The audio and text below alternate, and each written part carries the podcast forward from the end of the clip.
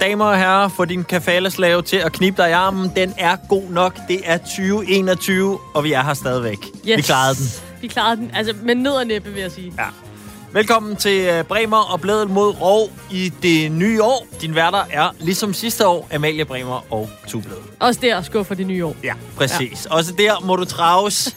Med, ligesom coronaen trak sig med ind i 2021. Ja. På samme måde vi også. klamrer vi os Hallo. også til det nye år. Præcis. Vi er her stadig. Nå, øh, og vi er klar, Amalie, til at tage hul på endnu et år med samme målsætning om at make sport great again. Fuldstændig. Det er det, der var øh, mantraet for 2020, og det er også det, der er mantraet for 2021, Ja. ja. fordi sport er stadig øh, øh, en form for rådenskab. Mange, Der mange punkter, er ikke? masser af ting at tage fat i stadigvæk, og på den måde må vi jo også bare erkende, at vi ikke lykkes med vores mission i 2020. Nej. Og ligesom få klaret alt det med korruption og hvad der ellers kunne være rådenskab i sport. Det øh, var som om, det faktisk mere voksede Ja. omkring ørerne på os. Ja, og det var også noget med, at vi ligesom gik ud med, med lommelygten og lyste lidt ind i, Ja. i de allermørkeste kroge, ikke? Øh, så Og så kommer ligesom flagermusene jo flyvende Også, jamen, det er det. og ned i suppen, og, Og så var- ved vi godt, hvad der sker. Det var noget værre rod. Ja. Øh, men altså, så er der bare nok at tage fat på. Absolut. Øh, og vi har rullet øh, ærmerne op og øh, gjort os klar til øh, det her øh, første program, og øh, vi er glade for, at du lytter med. Fordi der har selvfølgelig været fart på, også øh, i starten af 2021, når det kommer på øh, til det sportslige. Øh, men hvis vi starter med den største historie i 2021, Ja. på tværs af sport og alt andet, så er det jo uden tvivl, da en række, øh, jeg ved egentlig ikke, hvad vi kalder dem. Altså demonstranter, terrorister, det, demonstranter skal man ikke kalde Nej. det, tror jeg. jeg ved ikke, Terrorister måske lidt mere... statister fra en- tv-serien Vikings kunne det det er også, godt et ligne. rigtig godt bud. Ja. Altså, øh, måske bare lidt en blanding af det hele i Ja. virkeligheden. Øh, En broget forsamling øh, stormede øh, Capitol Hill i øh, Washington øh, D.C. her øh, fra starten af det nye år, og det har jo været den alt overskyggende historie på, øh, på verdensplan. ja, og altså, alle jokes til side. Øh, fuldstændig rendyrket vanvid. Det var øh, altså øh, også fordi det var så uventet, fordi man tænkte, det har de selvfølgelig styr på, fordi at den der dag har øh, altså alle anti-Biden, antidemokratiske øh, kræfter i USA jo varmet op til længe.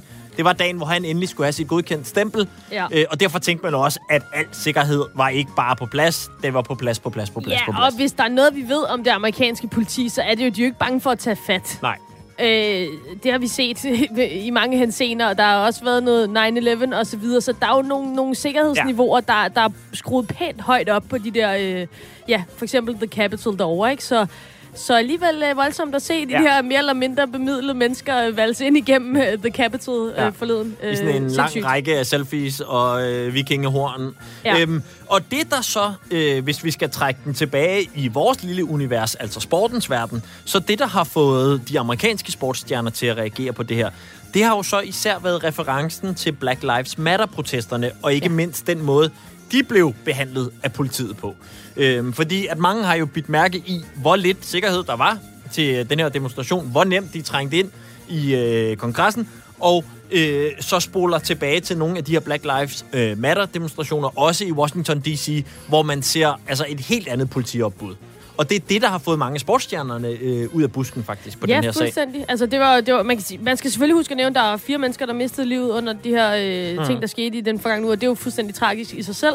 Øhm, men derudover, så var de her billeder, vi så, altså, det var jo ikke et politiværn, som gik hårdhændet til værks. Det var ikke tanks, der blev rullet ind. Det var ikke fuldstændig kampklædte betjente, der bare mørede ind igennem øh, de her menneskemængder, som jo ellers er nogle af de rigtig, rigtig ubehagelige billeder, vi har set øh, fra nogle i virkeligheden mere fredelige protester. Ja, ja, i stedet for fuld riot gear og fuldautomatiske rifler, så var det cykelhjelme, politiet havde på, og så de der, øh, sådan nogle, de slår ud, altså sådan nogle lidt Ja. tynde knibler. Ja, og der blev Øhm, også taget nogle selfies, og der blev... Ja, det det, det, var det sådan- var lidt et, øh, et, et skørt samsurium af, af mærkelige ting og sager, ikke? Og det er i høj grad det, der har fået øh, sports-USA til at reagere. Selvfølgelig ikke mindst øh, de afroamerikanske øh, sportsstjerner ja. i øh, USA. Øh, en af dem, øh, som øh, gik ud og øh, talte på bagkant af de billeder, vi så fra Washington, det var basketballspilleren og i øvrigt flere gange amerikansk mester Draymond Green. Øh, ham får I lige her. it just goes to show the police policing system was built against black people you know black and brown people. And that's the reason those reactions are different. That's the reason someone can walk or run or bust their way through or whatever into the Speaker of the House office and put their feet on the desk like they're sitting at home on their couch, storming, eh, you know, storming into a building and, and busting out windows and carrying podiums and, and, and all that other stuff. That's not a protest. That's a terrorist attack. And so, uh, stop using the, the, the like, stop describing those people the same way you describe someone who just stand there and make a chant and say, we want justice, we want peace. Stop using the same word. It's disrespectful. It's ridiculous. Um, and it's shameful, you know, to, to keep calling them protesters. Not fucking protesters. They're fucking terrorists. Og på den måde, så synes jeg også, at vi har fået slået en stor, tyk streg allerede fra starten af 2021 under det faktum, som vi længe har forsøgt at, øh, at få øh, i tale sat her i programmet, nemlig at sport og politik selvfølgelig er blandet rigtig grundigt sammen. Det må man øhm, sige. Og det øh, fik Draymond Green jo så også øh, illustreret her. Således den største historie lige nu, og øh, de sportslige reaktioner, der har været på den. Vi hopper videre.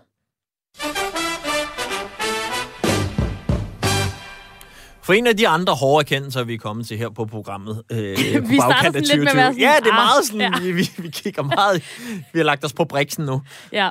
Øhm, det, det er jo, man også, når ja, man ligesom starter noget nyt. Det tænker jeg. Måde, ikke? River en side af, siger, ja, vi var godt ikke færdige med den gamle side, Nej. men altså, nu gør vi et eller andet. Ja, øh, fordi vi må jo nok også erkende, at øh, vi her på programmet ikke alene kommer til at indføre noget, der minder om forbedringer i menneskerettighederne i øh, Katar. Nej, men vi, vi blev til gengæld rigtig meget klogere på, forhåbentlig også sammen med jer lytter derude, hvad det er, der foregår nede i Katar, der ja. hvor at Danmark jo fra et fodboldmæssigt perspektiv forhåbentlig skal mm-hmm. ned og spille VM, øh, og fra, fra måske et menneskerettighedsperspektiv, hvor man siger, desværre skal ned og spille øh, VM, fordi det står altså skidt til ja. øh, dernede. Der er en rigtig, rigtig øh, masse mennesker, som øh, bliver fragtet ind i landet for at arbejde og for at bygge de her stadions under nogle fuldstændig øh, kummerlige forhold. Og det er jo efterhånden øh, velbeskrevet, også her i programmet. Ja. Men der sker ikke rigtig noget. Og der er ikke rigtig nogen, der sådan sætter foden ned og siger, det er noget skidt, og Nej. det skal vi selvfølgelig ikke deltage i. Nej, og det er svært ligesom at komme meget videre, end at folk godt lige kan rynke lidt på næsen. Altså, jeg synes, vi har talt med mange forskellige kilder, og jeg har også, øh, vi har også blivet mærke i, at som året skred frem, så var der jo også flere og flere prominente også politikere, der ja. begyndte at sige, det dur ikke, øh, vi skal gøre noget mere, vi skal sige mere fra, og også flere, der begyndte at sige direkte, lad os boykotte øh, Danmarks øh, deltagelse ved øh, VM i Katar, hvis det ender med, at vi kvalificerer os. Øh, men stadigvæk er vi ligesom ikke rigtig trængt igennem. Altså, vi har ikke hørt nogen ministre sige noget, vi har ikke Nej. hørt DBU øh, tage øh, rigtig øh, stilling til det endnu, og slet ikke øh, fodboldspillerne. Nej, og det er jo den fornemmelse, man har herhjemme, og jeg tror også, der er mange fodboldfans derude, der sidder med, at der er jo forskellige små ting, der pipler frem. Der er det her borgerforslag, som der er mm. nogle mhm. fodboldfans på tværs af klubber, der har stillet, som, øh, som er et rigtig, rigtig prisværdigt initiativ. Som du siger, der er flere forskellige politikere, der kommer ud. Der er medier her i Danmark, som dækker det rigtig, rigtig intenst, og det er jo det er jo fantastisk, ja. øh, så vi ligesom kan blive klogere på det og finde ud af, hvad er det, der som det her VM står på skuldrene af, på en eller anden måde. Øhm, men man kommer ikke rigtig ud over rampen. Nej. Og selv hvis det er, at ministerne begynder at tage stilling, så har vi jo også, øh, hvad skal vi sige, selvindsigt nok i den her lille andedam, at det ikke kommer til at øh, rykke så meget alene. Så vi er her på programmet gået på jagt efter alliancer. Ja, vi er jo bare lille Danmark, som Morten Vikor sagde til mig. Præcis. vi kan jo ikke gøre det alene. Nej. Så må vi jo øh, skaffe nogle venner, Morten ja. Vihorst. Og det er jo så det, vi har sat os for. Øh, og noget af det sidste, der skete, inden at vi gik på juleferie, det var jo, at vi talte med en øh, engelsk journalist, mm-hmm. øh, som rimelig hurtigt fik gjort det klart for os, at øh, England er en fodboldsnation, og der er pænt lang vej til at få overtalt øh, englænderne til at øh, boykotte øh, VM i fodbold. Ja, altså David Harding fra The Independent, som jo havde rigtig meget viden om det her, som også selv har boet i Katar, han sagde også, englænderne de, de er altså glade for deres ja. fodbold. Og øh, så snakkede vi med vores kollega Mads Anneberg fra Europa-programmet Lobbyland, som faktisk befandt sig i øh, Storbritannien, ja. øh, da vi talte med ham, og som også lige stoppede en mand på gaden, som også var rimelig hurtigt til at sige, øh, nej nej, øh, det kommer overhovedet ikke til at ske. Øh, og han havde heller ikke hvad skal vi sige, de store forhåbninger til, at vi vil kunne bringe det her op på EU-niveau og Nej. kunne få noget ud af det. Men han sagde dog, kig mod de skandinaviske nabolande. Ja, vi må finde nogle åndsfælder på ja. en eller anden måde. Ikke? Øh, altså nogen, som ligesom også ja, hvad kan man sige, er på, på, på det niveau, som vi også er her på i Danmark, hvor vi jo også går op i menneskerettigheder. Det er noget, som folk er meget optaget af, Ja. øh, er indtrykket derude. Ikke? Og det kan jo være, at det er det samme, i, eller det er noget, vi kan spejle os i, i vores sådan, umiddelbare naboland i hvert fald. Så nu er øh, planen lige her på programmet, det er egentlig at sige, kan vi forene det gamle skandinaviske broderskab? Ja. Altså, kan vi få Sverige, Norge, Danmark til at stå sammen om at tage meget kritisk øh, stilling til øh, det her VM i Katar? Øhm, kan vi på en eller anden måde lave en Braveheart? Altså, hvor vi øh, united the clans? altså, jeg forestiller mig en pep-talk i det skandinaviske rigsråd sådan her.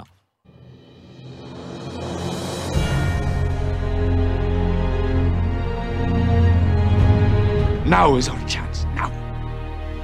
If we join, we can win. If we win, well, then we'll have what none of us have ever had before a country of You're the rightful leader, and there is strength in you. I see it. Unite us. Unite the clans. Kan du se det for dig? Unite the clans. Ikke? Jo. Altså, Joy Mogensen, der står heroppe og siger til hendes fælles skandinaviske minister, gør det nu. Ja. Øh, bring os sammen. You're the Øh, rightful leader. Ja. Øh, i, øh, I ramme alvor, så har vi egentlig tænkt, at det vil være øh, fedt at prøve at se, om vi kan finde nogen, der synes det samme som os i Norge og i Sverige, få lavet en eller anden fælles udmelding. Ja. Og øh, den første person, som det lykkedes os at finde frem til, som til synlædende øh, også synes, at der skal, man skal beskæftige sig lidt mere kritisk med VM i Katar, end hvad der bliver gjort lige nu, det er Håvard øh, Melnes.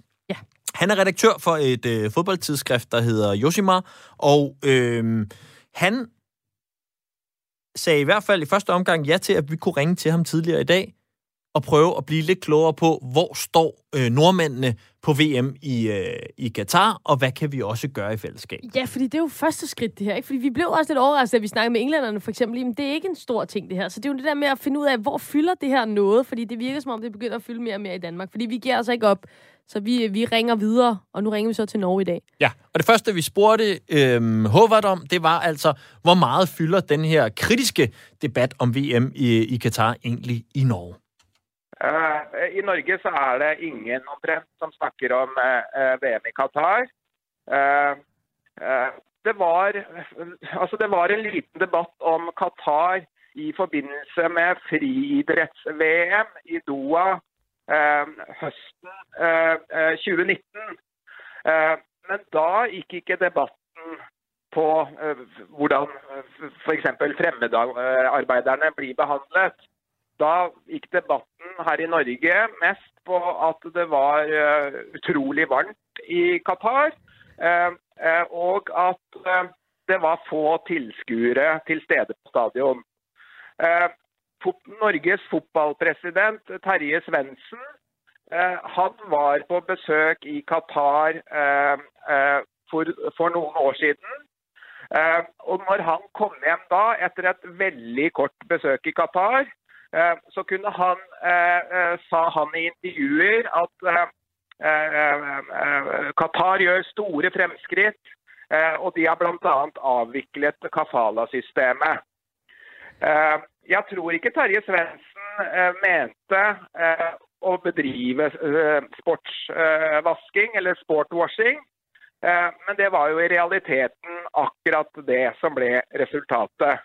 Eh, For Kapala-systemet er kanskje avviklet eh, i teorien, men ikke i praksis. Eh, Sånn at eh, Jeg vil eh, si at eh, Qatar blir, blir så godt som ikke diskutert i Norge. Og, og, og det er sådan blandt fans. Er der nogle medier, for eksempel jeres medie, du, du ved jo meget om det her, er der nogle, nogle medier eller, eller nogle menneskerettighedsorganisationer eller videre, altså andre uden for sporten måske, der prøver at sætte fokus på det her, eller er det simpelthen fuldstændig ikke eksisterende? Altså, Josimar har vært veldig opptatt av Qatar i mange år. eh, Og vi har eh, skrevet om det politiske spillet som lå bak eh, for at Qatar i det hele tatt vant, eh, eh eller fikk tildelt VM. Eh, All korrupsjonen som eh, den tildelingsprosessen var gjenstand for, har vi beskrevet. Eh, Vi har vært i Qatar. Vi var i Qatar i 2015. Vi var i Qatar i 2018. Eh, eh, og det vi først og fremst har eh, fokusert på når vi har vært i Qatar, det er jo fremmedarbeidernes eh, situasjon. Eh, og det er jo ganske utrolig. Altså på 1980-tallet, hvis Sør-Afrika med sitt apartheidsystem hadde blitt tildelt VM, eh, så tror vi det hadde vært vakt oppstandelse og store protester eh, i Norge. Qatar ble av eh, FNs spesialrapportør eh, i, eh, i sommer, altså sommeren 2020, beskrevet som et rasistisk eh, land. Eh, at et land som er rasistisk, eh, et land som har et apartheidsystem, altså at man deler inn mennesker i forskjellige grupperinger, og et land som bedriver moderne slaveri, at det landet skal få tildelt VM, eh, er jo i Josimars øyne en skandale. Eh, eh, men debatten i Norge, den har uteblitt. Hvorfor tror du, det er sådan? Eh, Altså man, eh, På sosiale medier og sånn, så spøker man gjerne med når det kommer opp eh, eh, eh spørsmål om Qatar og om boikott av Qatar, at Norge uansett kommer til å kan, hva kan man si, ufrivillig boikotte Qatar fordi vi uansett ikke vil kvalifisere oss eh, til mesterskapet. Eh, og det, er, det, har kanskje noe med det å gjøre, faktisk. Altså, mm. Norge har jo ikke kvalifisert seg for store internasjonale fotballmesterskap siden eh, EM i 2000. Eh, det har gått 20 år uten at vi har klart å kvalifisere oss til noe som helst. Eh, sånn at dette, Det er nesten sånn at her i Norge så trenger vi ikke ta stilling til det, fordi vi uansett ikke kommer til å kvalifisere oss for sluttspillet. Men altså, nu I har øh, Erling Haaland, I har øh, Martin Ødegaard, og I har, altså, som for en FCK-fan for mig, I har Ståle Solbakken nu. Altså, I kommer til at kvalificere jer til VM. Uh, ja, uh, vi er ikke så sikre på det. Men det er ikke noen tvil heller, som, som, du sier, at det norske landslaget Eh, eh, ser i dag ut mye, mye bedre enn det har gjort på mange, mange, mange år. Nå har vi jo virkelig profiler i de store ligaene og i de store klubbene. Så sånn sportslig så tror jeg jo at du har helt rett. At muligheten er til stede Eh, for at eh, Norge kan eh, eh kvalifisere seg til sluttspillet i Qatar. Og hvor ondt vil det så gøre på nordmændene? Altså med andre ord, hvor svært vil det være at overbevise nordmændene om at skulle boykotte, hvis det endelig er, at man har kvalificeret sig til et VM? Altså, dette er jo et, eh, dette er jo et principielt spørgsmål, Og for eksempel så eh, NFF, eh, Norges Fotballforbund, Eh, eh, ønsker ikke en boikott av, av VM. Men det finnes også ledende personer eh, internt i NFF, altså bl.a. Eh, Eh, NFFs eh, elitedirektør Lise Klavenes har vært klar på at hun ønsker en boikott av Qatar-VM. Eh, men jeg, jeg, tror at jeg tror at det kan bli en stor debatt om eh, boikott, eh, ikke boikott, den dagen Norge eh, eventuelt skulle kvalifisere seg for sluttspillet. Mm. Og altså, nu nævnte du før det der med, at øh, jeres øh, tidsskrift har været i Katar flere omgange. Har du også selv været der? Jeg har været der. Jeg var der i, i 2018 i næsten tre uker. Kan du ikke fortælle og, os lidt om, hvad det var, du, øh, du oplevede? ja, hva skal man si? Altså eh, eh, Nå er jeg relativt bereist eh, etter hvert. Men jeg har aldri vært i et mer dystopisk eh, land enn Qatar. Eh, Jeg er eh, heldigvis eh, forskånet, har i hvert fall vært det så langt i liv, mitt liv, for, for depresjoner. Eh, men jeg merket at eh, eh, når jeg var i Qatar, at jeg var, at jeg var tung, at jeg var deprimert.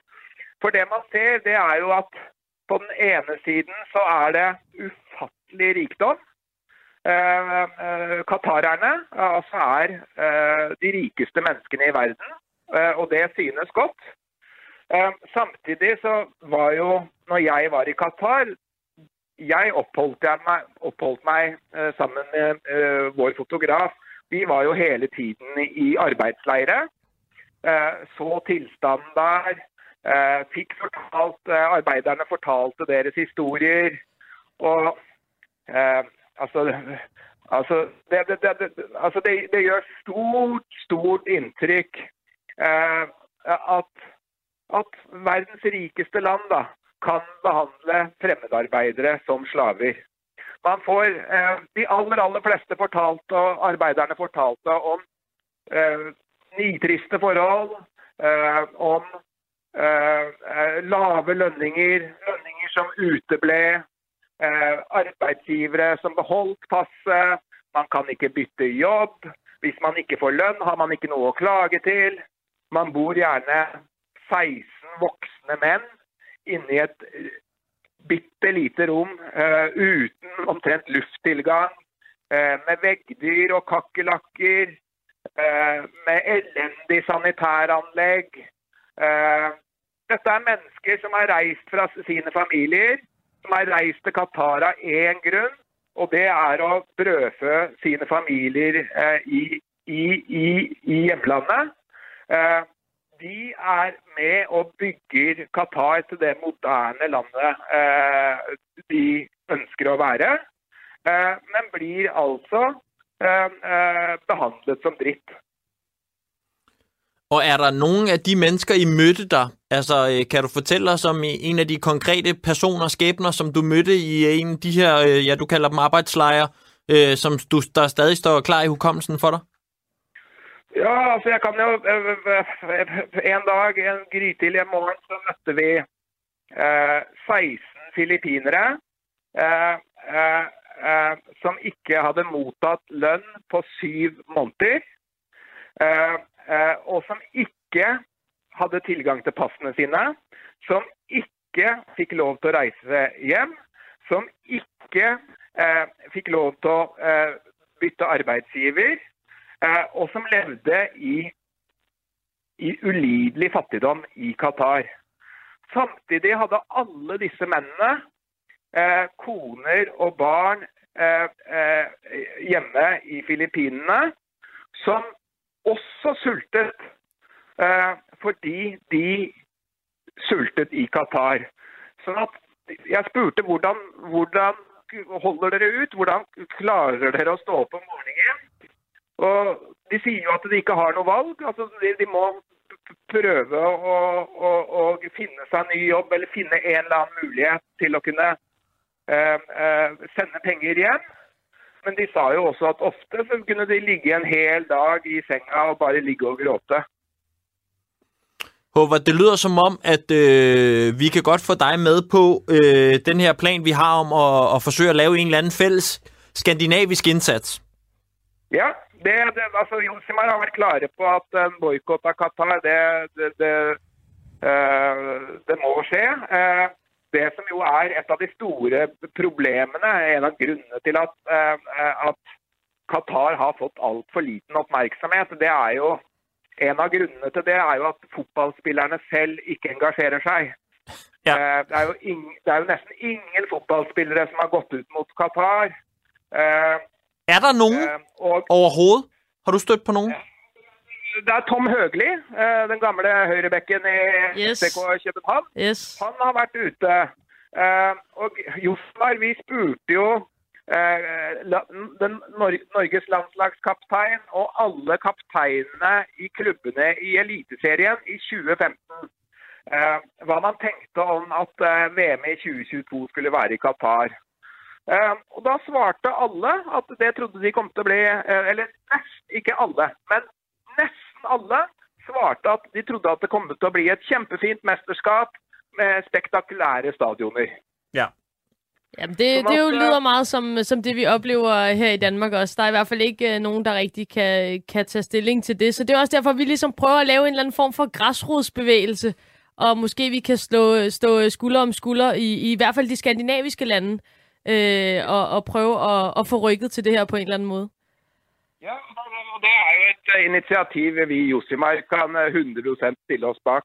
Perfekt. Og jeg tænker, vi starter med et, øh, altså et læserbrev. Fordi er der noget, som diktatorer de virkelig ryster i bukserne over, så er det jo, når nogle vestlige journalister sætter sig ned og skriver et læserbrev. Men altså, om ikke andet, så tænker jeg, at vi starter der.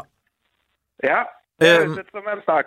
Ja, og, og der regner vi selvfølgelig med, at vi kan få øh, øh, dig eller en af, af dine kollegaer på øh, tidsskriftet til at, øh, også at skrive et par linjer. Er der nogen prominente nordmænd, som, vi, som du har lagt mærke til, har været ude og udtalt sig kritisk om VM i Katar, som vi måske også kunne få til at skrive med under? Eh, det, altså det burde jo være et enkelt spørsmål. eh, Det er et vanskelig spørsmål, fordi at akkurat nå kommer jeg ikke på noen prominente nordmenn eh, som har som har sagt tatt ordentlig til motmæle mot, mot Qatar. Et av problemene, i tillegg til at fotballspillerne selv ikke engasjerer seg, er jo også at norske medier ikke er engasjert i det. Mm. Eh, man har knapt tatt opp eh, problemstillingen. Sånn at uh, Josimar i Norge har jo blitt veldig Vi har blitt stående veldig alene i vår kritiske eh, eh, og undersøkende journalistikk mot og i Qatar. Og det sagde altså Håvard øh, Melnes, som er redaktør på øh, fodboldtidsskriftet Josimar i øh, Norge. Ja, og altså, selvom han, han godt nok sagde, at der var måske ikke så mange prominente nordmænd, så nævnte han jo alligevel Tom Høgli, som er tidligere mm. fodboldspiller her i Danmark, og også øh, norsk landsholdsspiller, som har været meget vokal omkring øh, Katar tidligere. Så jeg tænker da også, at han er måske et lead for os. Ja, det synes jeg er et fint næste sted at gå Ja. hen i forhold til øh, hele den her jagt på at øh, få skrabet øh, klanerne sammen, øh, så vi står og har et fælles fodslag. Og svenskerne, selvfølgelig. Og så skal vi selvfølgelig til Sverige også på et tidspunkt, ja. det er klart. Øh, dem har vi store forhåbninger til. Det har vi, og så skal vi i gang med at skrive et læserbrev. Lige præcis. Så det bliver altså næste skridt. Har du nogensinde skrevet læserbrev? Nej. Men jeg glæder mig rigtig meget. Det har jeg heller ikke. Perfekt. Perfekt. Det bliver godt. øhm, jamen ved du hvad, det øh, kaster vi os over til, øh, til næste uge. Det er et løfte fra, øh, fra vores side. I øvrigt så kan jeg sige, at øh, der er også lige kommet øh, Tommy, øh, lytter, har lige skrevet en sms, som skriver, I skal ikke regne med hjælp fra øh, Frans Beckenbauer. Tyske ZDF viste sidste år en dokumentar om øh, ikonet, der blandt andet kommer hjem nede fra Katar og på direkte tv siger, der er ikke nogen problemer.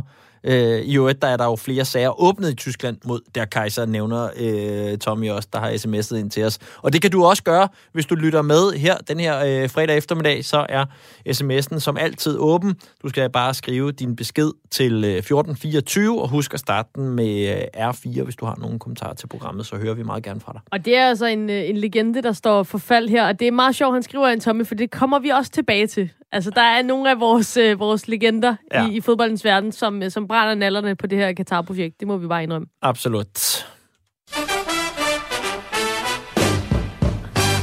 Nu skal vi til den del af programmet, som hedder Ugens Held. Yes. Godt Fordi- humør. Ja, præcis. Vi kommer tit til at øh, have en del galle ikke øh, i det her program. Nej, Jeg kan bare ikke, når jeg begynder at tale om de her ting, så bliver jeg simpelthen så indebrændt. så derfor er det også godt at have en lille ø, øh, en lille solskinsø, ja. hvor at, øh, vi kan få lov til bare at glæde os. Mm. Øh, og det er selvfølgelig over nogle af de mennesker i sportens verden, der stadig holder det ægte, og som stadig øh, gør det bedste for sporten. Ja, som ikke er, der er ikke en eller anden PR-medarbejders klamme hånd, der har været i Nej. Norge, når de siger noget, vel? Det, det, den kører for fuld udblæsning. Og øh, kort før nytår, der tabte det amerikanske øh, fodboldhold Houston Texans til øh, Cincinnati Bengals. Et nederlag, hvor at øh, Houston Texans øh, forsvarsstjerne J.J. Watt, han bagefter var mindre imponeret over sine holdkammeraters indsats. Så til pressemødet efter kampen, så holdt han et af de bedste far ikke sur, far skuffet taler, jeg har hørt længe. Altså, det- jeg har det er virkelig lækkert. tænkt, at den skal jeg prøve at tage med hjem øh, i øh, familien bagefter, for han gør det virkelig med sådan en indigneret, som er fuldstændig vidunderlig. Øhm, vi kan jo lige alle sammen i øh, fællesskab høre, hvad det var, øh, J.J. Watt han havde at sige til sine øh, medspillere efter øh, kampen. If you can't come in and put work in in the building, go out to the practice field and work hard, do your lifts and do what you're supposed to do, you should not be here. This is a job. We are getting paid a whole lot of money. There are a lot of people that watch us and invest their time and their money into buying our jerseys and buying a whole bunch of and they care about it. They care every single week. We're in week 16 and we're 4 and 11 and there's fans that watch this game that show up to the stadium that put in time and energy and effort and care about this. So if you can't go out there and you can't work out, you can't show up on time, you can't practice, you can't want to go out there and win, you shouldn't be here. Because this is a privilege. It's the greatest job in the world. You get to go out and play a game. And if you can't care enough, even in week 17, even when you're trash, when you're 4 and 11, if you can't care enough to go out there and give everything you've got and try your hardest, that's bullshit. So that's how I just I think it's that's there are people every week that still tweet you that still come up to you and say, "Hey, we're still rooting for you. We're still behind you." They have no reason whatsoever to. We stink. But they care and they still want to win and they still want you to be great. That's why. Those people aren't getting paid. We're getting paid handsomely. That's why. And that's Det der suk, Ja, det er det er- fuldstændig vidunderligt. Altså, det må jeg bare sige. Jeg forestiller mig, altså... Øh, Men der når min søn, være... han ikke øh, gider, hvad ved jeg, lære at cykle eller et eller andet, jeg skal ligesom tale ham op på den igen, så får han den der. Ja.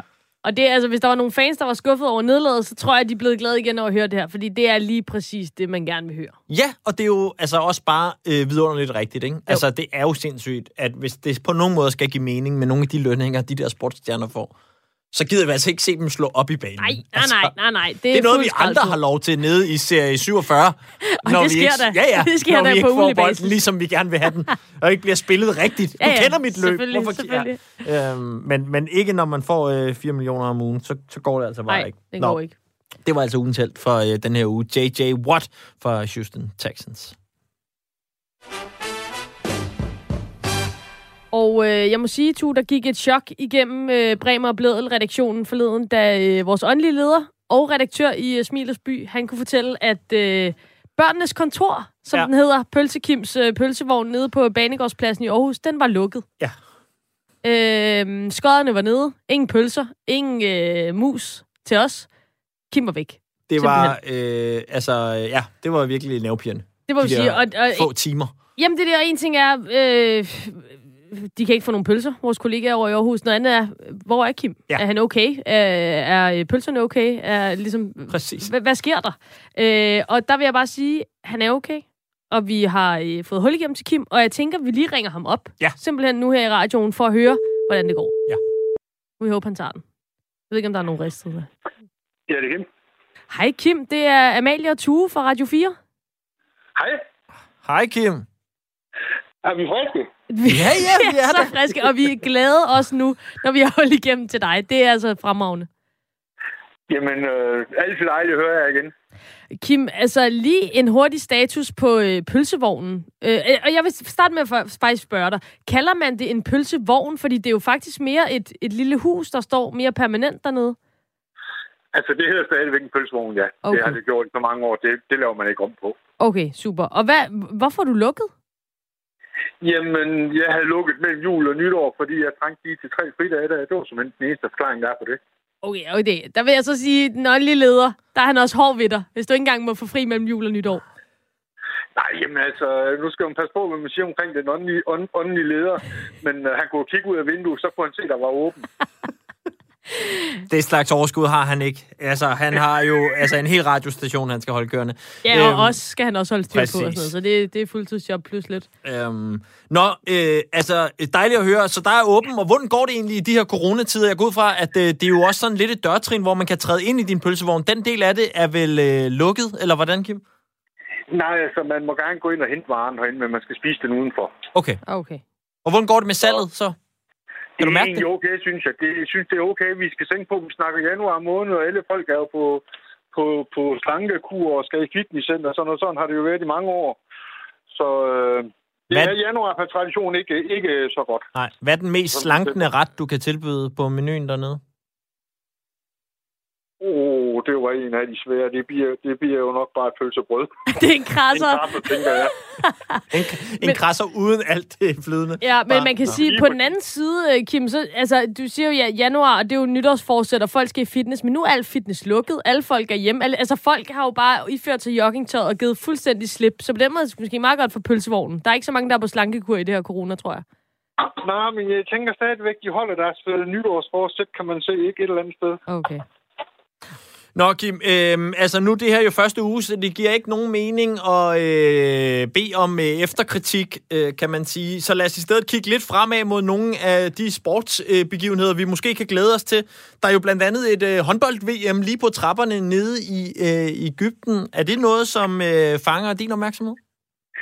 En, en, en smule, men, men uh, man har også sådan lidt, altså nu kan man høre, der skal tilskuer derned, mm. og man tænker bare, at, at, at, at, at man, man kan jo dybest set ikke blive overrasket længere. Nej, det er rigtigt. Det virkede lidt øh, for uroligende, den der idé om, at i alle andre lande, der kan man ikke øh, retfærdiggøre, at der er tilskuere øh, til stede til de her arrangementer, og så pludselig så kom der meldinger om helt op til 3.000 mennesker, Ja, altså jeg kan ikke helt finde ud af, om det er fordi, det er Ægypten, og der er en formand for håndboldforbundet, internationale håndboldforbund. Jeg kan ikke huske, hvor han kommer fra. Jeg mener, at han kommer dernede fra. Det er bingo. Det er bingo, Kim. Det er fuldstændig rigtigt. Øh, Dr. Øh, Hassan, han er øh, selv i Ægypter, og det er jo hans store prestigeprojekt, det her øh, VM i håndbold. Så om ikke andet derfor, synes jeg, det bliver spændende. Og så er det jo også øh, der, hvor Kim, vi har jo øh, op til flere danskere til stede. Ikke kun på det danske landshold, men også de her to øh, dansk-amerikanere, der er kommet med på det amerikanske hold. Ja, altså det var jo, nu hørte man jo, man kan sige, at vi havde en, øh, her de sidste to programmer har været rendyrket magiterninger af, af, af, af samkoget sidste år. Der var jo stadigvæk et genhør med øh, ham fra Kolding, der var udtaget til øh, det amerikanske. Det var jo glædeligt at høre. Altså, det var helt livsbekræftende at høre sådan en. Ja, virkelig. Fuldstændig. Uh, ved du hvad, Kim? Uh, det tror jeg sådan set var, var, var alt fra os uh, i den her omgang. Fedt at høre fra dig, og uh, godt, altså den åndelige leder har allerede meldt ind på sms'en, at han er meget, meget glad for, at du er åben. Han, han siger noget med direktørtid, og først fra klokken 15 og sådan noget, men det må I slås om, når I ses. Det er. Yes, jamen, uh, godt at høre fra jer også, og ja, have en rigtig god dag. Vi tales ved næste uge, Kim. Godt. Hej. Det er godt. Hej du. God arbejdsløst. Jo, tak. Okay, således øh, punktum. Øh, Kim og pølsevognen er i live. Det er dejligt at høre. Og øh, vi har allerede været inde på det, tu her i øh, Bremer og Blødel mod Rov i øh, dag. Der er gang i den over på den anden side af Annedammen, øh, for at sige det mildt, ja. simpelthen. Der var et lille optrin øh, ved The Capitol her forleden. Ja. Det tror jeg, de fleste har øh, lagt mærke til. Og så har der altså også været et særdeles opsigtsvækkende valg i øh, delstaten Georgia, hvor der skulle være øh, genvalg. Og for første gang i 20 år, der er altså blevet valgt en demokratisk senator i Georgia. Og det er altså et valg, som har rigtig, rigtig stor positiv indflydelse for Joe Biden og hans kommende præsidentperiode. Og hvorfor er det så lige pludselig, at der er blevet stemt demokratisk i sådan en meget traditionel republikansk øh, delstat, som Georgia er? En del af svaret, det mm. kan vi faktisk finde i sportens verden, øh, nærmere bestemt i kvindernes basketballliga WNBA. Og øh, altså i, øh, i Georgia, der er det en demokrat, John Ossoff, og så en, øh, en, også en sort demokrat, Neil Warnock, som er blevet valgt. Og spillerne fra øh, Atlanta Dream, og faktisk også en masse andre spillere i ligaen, de har kastet sig ind i den her politiske kamp omkring valget, og øh, til at, at gøre os øh, klogere på den bevægelse, der har vi dig med, Trine Nørgaard. Velkommen til. Tak. Trine, du er øh, vært på øh, podcasten De øh, Glemte Atleter, som øh, fortæller nogle af de her oversete, eller ofte oversete i hvert fald, historier om kvindelige sportsøver. Og så ved du rigtig, rigtig meget om øh, kvindernes NBA. Er det rigtigt? Ja, det vil jeg godt påstå. Perfekt. Det, så er det godt, at... Det er, en, øh, det er en spændende liga, så det, I har fat i den rigtige. Fedt. Øh, og først og fremmest, altså øh, i 2016, hvis vi spoler tiden en lille smule tilbage, der gik øh, Colin Kaepernick, ja. fodboldspiller, på øh, knæ under nationalmelodien i protest mod politibrutalitet. Og det fik jo kæmpe, kæmpe opmærksomhed.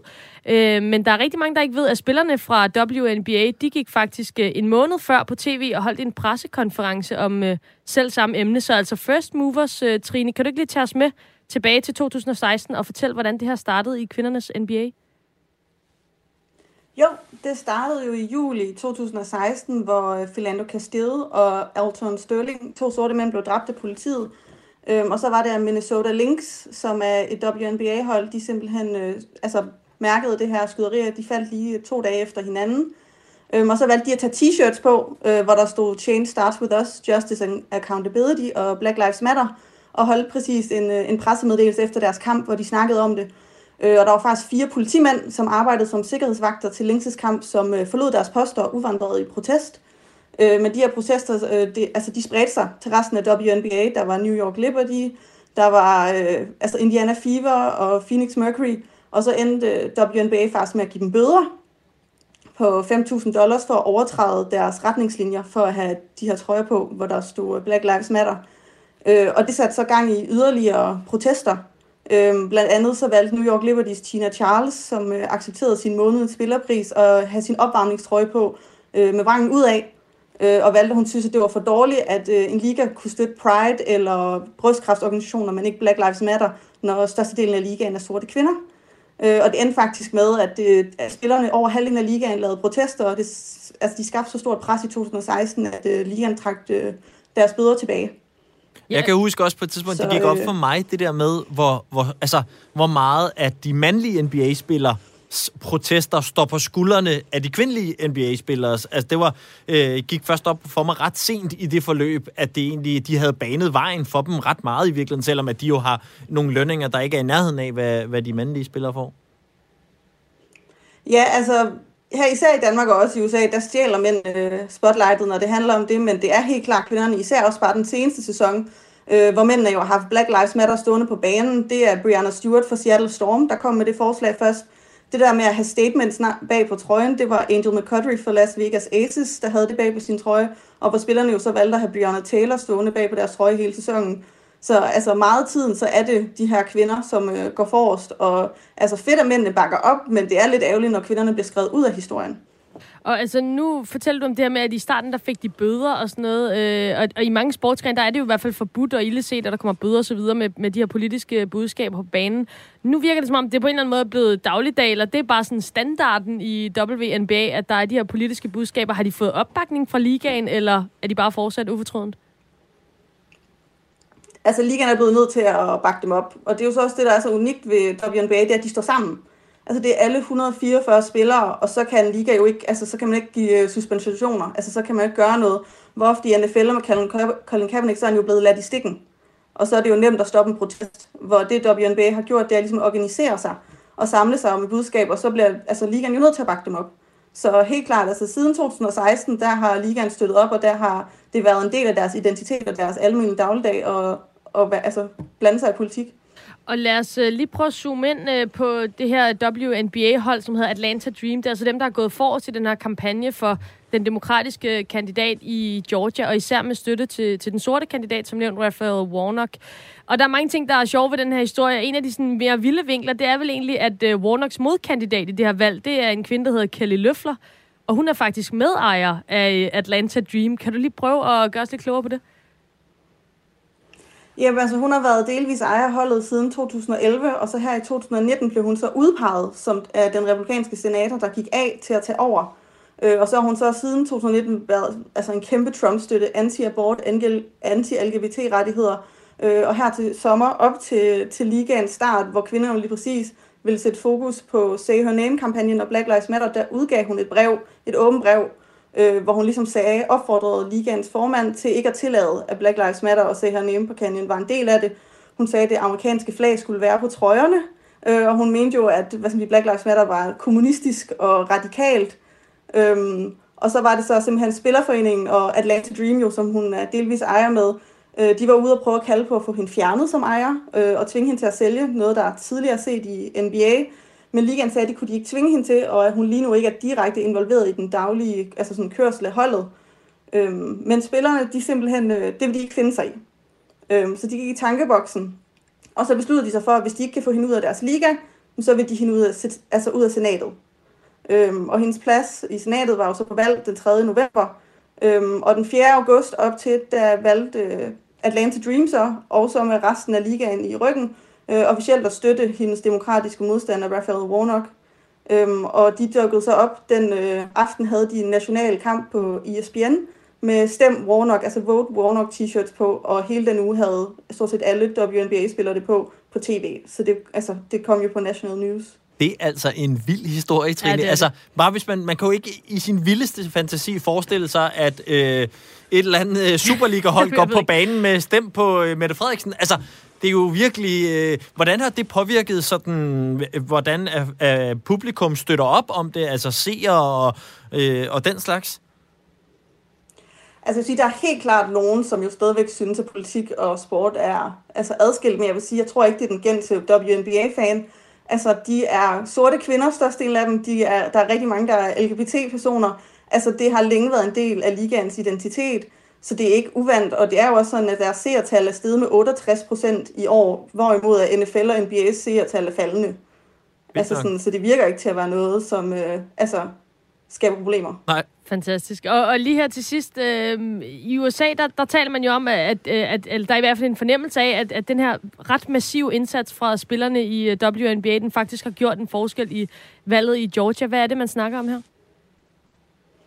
Jamen, man snakker jo om, at da de øh, sat, tog de her t-shirts på i øh, august, der var det et kritisk tidspunkt for øh, Warnocks øh, kampagne. Han pollede kun 9 procent, øh, og det var et åbent løb med 9, 21 kandidater, så han var bag Loffler, der havde 20 procent, og mange andre. Øhm, og der skabte de simpelthen national opmærksomhed på, om man kan se på Google Trends, øh, hvordan det ligesom gav et spike. Og to dage efter, der rapporterede hans kampagne, at de havde fået over 183.000 øh, dollars og 8.500 nye donorer, og mange af dem individuelle donorer, og fra Georgia. Altså sådan, så det gav ham et boost. Så selvfølgelig er der også mange andre, der har creditet men både Warnock selv og Stacey Abrams fra øh, Georgia vil sige, at WNBA har været med til at gøre ham til en profil. Øh, så allerede i september, en måned senere, der begyndte han at altså, pole 31 procent og være foran sine modstandere. Vildt. Det, øh, det gør en forskel. Det, det er vist rimelig tydeligt for enhver. Øh, Trine Nørgaard, tusind tak, fordi du var med her i øh, dag. Din podcast, De Glemte Atleter, den kan findes ude på internettet, hvis man vil blive klogere på nogle af de der allermest svedige kvindelige sportsøver, der er derude. Så fortæller du øh, historien. Yes, tak fordi I havde mig. Ja, selvfølgelig, Trine. Ja, tjek endelig uh, Trines uh, podcast ud uh, derude. En fantastisk historie, og Ja, det som på en eller anden måde også satte mig tilbage, jeg ved hvorfor, til, da, kan du huske, da vi uh, Anders Hård i uh, studiet og fortalte om de der The Original Nine i tennis, og uh, de her kvinder, der i høj grad banede vejen for, i det her tilfælde, var det så lige rettigheder for mænd og kvinder i, i, i tennisen, uh, i tennisens verden. Ja, og det er jo ikke fordi, at det er, det er kun er fædre, øh, bare fordi det er kvinder, men det er jo også altså, en, en underbelyst øh, sportsgren, som Trine også fortalte om her, og så alligevel, altså en, ja, en lidt mere shaky platform på en eller anden måde, de jo har, de her kvinder, og så vælger de alligevel fuldstændig ufortrødent at bruge den til at, at fremme et politisk budskab. Det, det synes Ja, jeg er uanset sejt. køn er det jo imponerende, når det er dem, der tjener mindst, der ligesom tør sætte det hele øh, på spil. Ja. Vi øh, hopper videre. Fordi inden af 2020 kørte helt i garagen, så nåede Katar lige at smide en video op med David Beckham, som kaster al sin kærlighed på VM i Katar, mens han står der på et solbeskinnet stadion et eller andet sted i Doha, og med sit uh, million dollar smile bare siger, VM i Katar, det bliver rigtig fedt. Ja, jeg får lidt sådan ubehag nu. Ja. Jeg får lidt, der er noget med balancen af nu, kan jeg mærke. Men jeg er godt klar over, at han er en af dine store helte. Ja, jeg har et billede, jeg har taget med i dag. Ja, et det står her på bordet foran det os. står på bordet, det er David Beckham og hans autograf. Ja. Og jeg elsker den mand. Ja. Fuldstændig. Og øh, det vil jeg er spændt på, om du stadig gør, når vi øh, lige tjekker ind her, øh, når vi har snakket om fem, fem minutter mere. Ja, for Fordi... jeg har holdt mig for de her klip. Jeg vil Ja. ikke... Nej, Nej. nu får du lov. Øhm, øh, øh, han er jo et kæmpe forbillede. Øh, ikke bare for dig, men for mange, og var en drøm på en fodboldbane. Altså, vi kan da lige sagtens lige nappe et øh, klip fra hans storhedstid. Du kan måske selv få lov til at fortælle, hvor det, her det er fra. er jo øh, i overtiden en kamp mod Grækenland, øh, som det drejer sig om VM-kvalifikation. Nu kan jeg altså ikke huske årstallet, men, øh, men øh, David Beckham får et frispark lidt uden for feltet og lægger bolden op og øh, kan altså sparke England på, på 2-2 og Så, så, til øh, VM. Så kan vi lige give ordene til, øh, til den engelske kommentator her. England trail by two goals to one. Beckham could raise the roof here with a goal. Believe it. David Beckham scores the goal to take England all the way to the World Cup finals. Ja. Og, altså, jeg må bare sige, det som fodbold gør ved folk. Jeg har set det her klip tre gange i dag, da vi har gjort klar til programmet. Jeg har fået gåsehud hver gang. Nu Det er hører vi også- det igen. Jeg får gåsehud igen. Det er vanvittigt. Det er et stærkt klip. Det er så lækkert. Øh, problemet er så bare, at øh, Beckham nu bruger mere af sin energi øh, ikke på at sparke øh, vidunderlige frispark, men på at fremme Katars image. Og, og der før- lagde min øh, ståpelser så Ja, igen. Ja. fordi lige før jul, der dukkede den her video op, hvor han står på et af de her stadions, som øh, kefaleslaverne jo har bygget under kummerlige øh, vilkår, og hylder Katar som VM-værtsnation. Du kan lige få øh, et øh, klip fra starten af videoen. Mm, Her får vi David Beckham.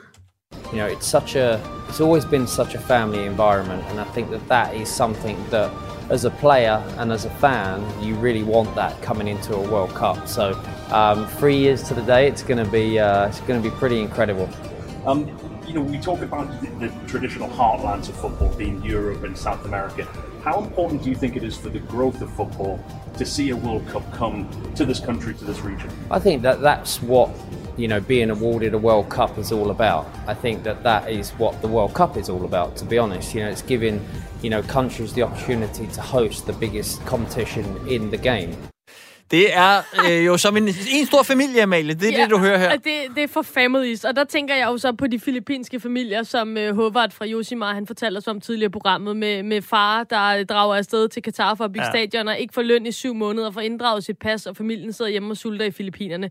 Det er til at lukke op og skide i det her. Det er mindre kæft, for de er det familier. dumt. Det er lidt mindre Ej. for de familier. Hvor er det træls ja. at høre sådan noget her. Øh, men øh, det viser sig så, når man begynder at krasse en lille smule i David Beckhams kærlighedsforhold til Katar, at Beckham har været tabt længe.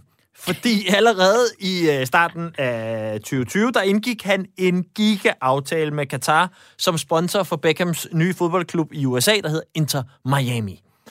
Øhm, et, par citat fra en, øh, et par citater fra en kilde tæt på den aftale siger blandt andet, This deal wipes the floor with previous uh, sponsorship deals. Altså, Ja. Og må ikke der stod en uh, lille fodnote eller to om, at David Beckhams enormt smukke ansigt skulle bruges som uh, reklamekampagne for VM i Katar. Man kunne godt forestille sig, at det har øh, spillet en, øh, en lille rolle. Øhm, og i, i aftalen, der lyder det allerede, Qatar is keen to drive investments overseas to improve and soften its image. Så det var ligesom nærmest en del af beskrivelsen der.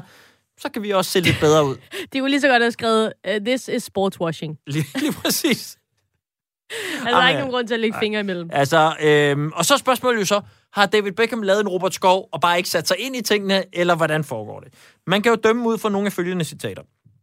Da den her aftale blev lavet med Beckhams klub Inter øh, Miami, øh, der sagde David Beckham, at han var blevet øh, forsikret, at øh, Qatar nu, som man sagde det, is relaxing its stance on such issues, som, øh, altså, øh, der blev blandt andet nævnt øh, migrantarbejdere og øh, rettigheder for øh, LGBT-miljøet. Relaxing. Ja. Slap lidt af med Ja. ja. at slå homoseksuelle ihjel hele tiden. Præcis. Bare ikke, I behøver ikke stoppe med det, Nej. Men bare slap lidt af med det. Vi springer lige til et enkelt klip mere øh, fra øh, videoen med øh, David Beckham, ligesom bare for at køre mere pigtråd igennem dine øregange. Ja, tak. Do you see Qatar's image changing on the international arena when, when events like that are happening? Um, I've always thought there's been a great image here, here, and that's one of the things that I've always seen, which is why I wasn't surprised when, you know, when Qatar got got uh, honoured with the chance of hosting uh, such a competition as the World Cup. But obviously, my wife's been here on the cultural side, like you say. I've been here, you know, visiting when the tennis has been here, and the atmosphere was incredible in the stadium for that. And now, obviously, to see what's been built, the excitement around Qatar, it's Stop. been pretty Altså, incredible. Stop det her tortur. Det er bare, han har jo altid synes faktisk, der er ikke engang snak om, at vi behøver så forbedre Katars image, fordi i Beckhams øjne, der har deres image altid været spot on. Jeg har jo tit været glad for, at David Beckham han øh, boede på den samme planet som mig, men det går op for mig lige nu, at det, Det gør, gør- han ikke. Vi lever ikke i samme verden. Overhovedet ikke. Og det viser sig jo så, at hans kærlighedsforhold til Katar går længere tilbage. Fordi i tilbage i 2013 blev han jo købt af Paris Saint-Germain. Du har mere. der er sponsoreret af Katar, og der blev der var flere ledende eller øh, førende journalister, der sagde, at det var som et direkte øh, svar på, at der havde Katar lige fået VM øh, i øh, 2022, og der havde været de her hæftige anklager om korruption. Så i et forsøg på ligesom at glatte det lidt ud, så noget med at hente Beckham, og så koncentrerer folk sammen noget andet. Du skal stoppe med at lege gravejournalist nu, Tue, Ja, fordi men- du ødelægger mit liv, ærligt jeg, talt. jeg, jeg gravede lige en lille smule øh, øh, videre på, øh, hvor meget har han brug for pengene? Er det derfor? Er han typen, der har gamblet det hele væk? Der kan jeg så sige, at han, er, øh, han vurderes til at være 460 millioner euro værd, altså over 3 milliarder danske ja, kroner. Ja, han er ikke lige sådan på røven lige. Nej, og konen, hun, hun, hun er god for 550 millioner euro. Ja. Så altså på den måde, så er de meget godt kørende. Og ud over deres mansion i London, så ruller de med en luksuslejlighed i Miami til 24 millioner dollars, en lejlighed i det her Burj Khalifa-bygning i Dubai til 35 millioner kroner, og et privatfly til 21 millioner euro. Bare lige for at slå en streg under, det kan ikke sådan være pengene, han er på jagt efter. Nej, altså det er... Øh, jamen, det, vi er færdige Hvorfor for i dag, han det og så? det er rigtig godt. Men hvorfor gør han det så, Amalie? Det har du så er 15 jo sekunder fordi, til at svare han er åndssvag, og det er det, der gør mig ked af det. Det gør mig trist. Det gør Godt. mig trist. Tu, det her, det var nok for øh, Bremer og Bledel mod, mod Rov for i Til dag. lyden af Amalie, der tænder sin lighter og sætter ild til sit indrammede David Beckham-billede, så siger vi tak for i gøre. dag. Ja, det gør vi. Øh, Lige om lidt, så er der altså nyhederne. Derefter så er der kreds med øh, Rikke Kulin. Det var alt for os for denne her uge. Ja. Vi er tilbage i øh, næste uge. Det er vi i øh, hvert fald. Rigtig god weekend.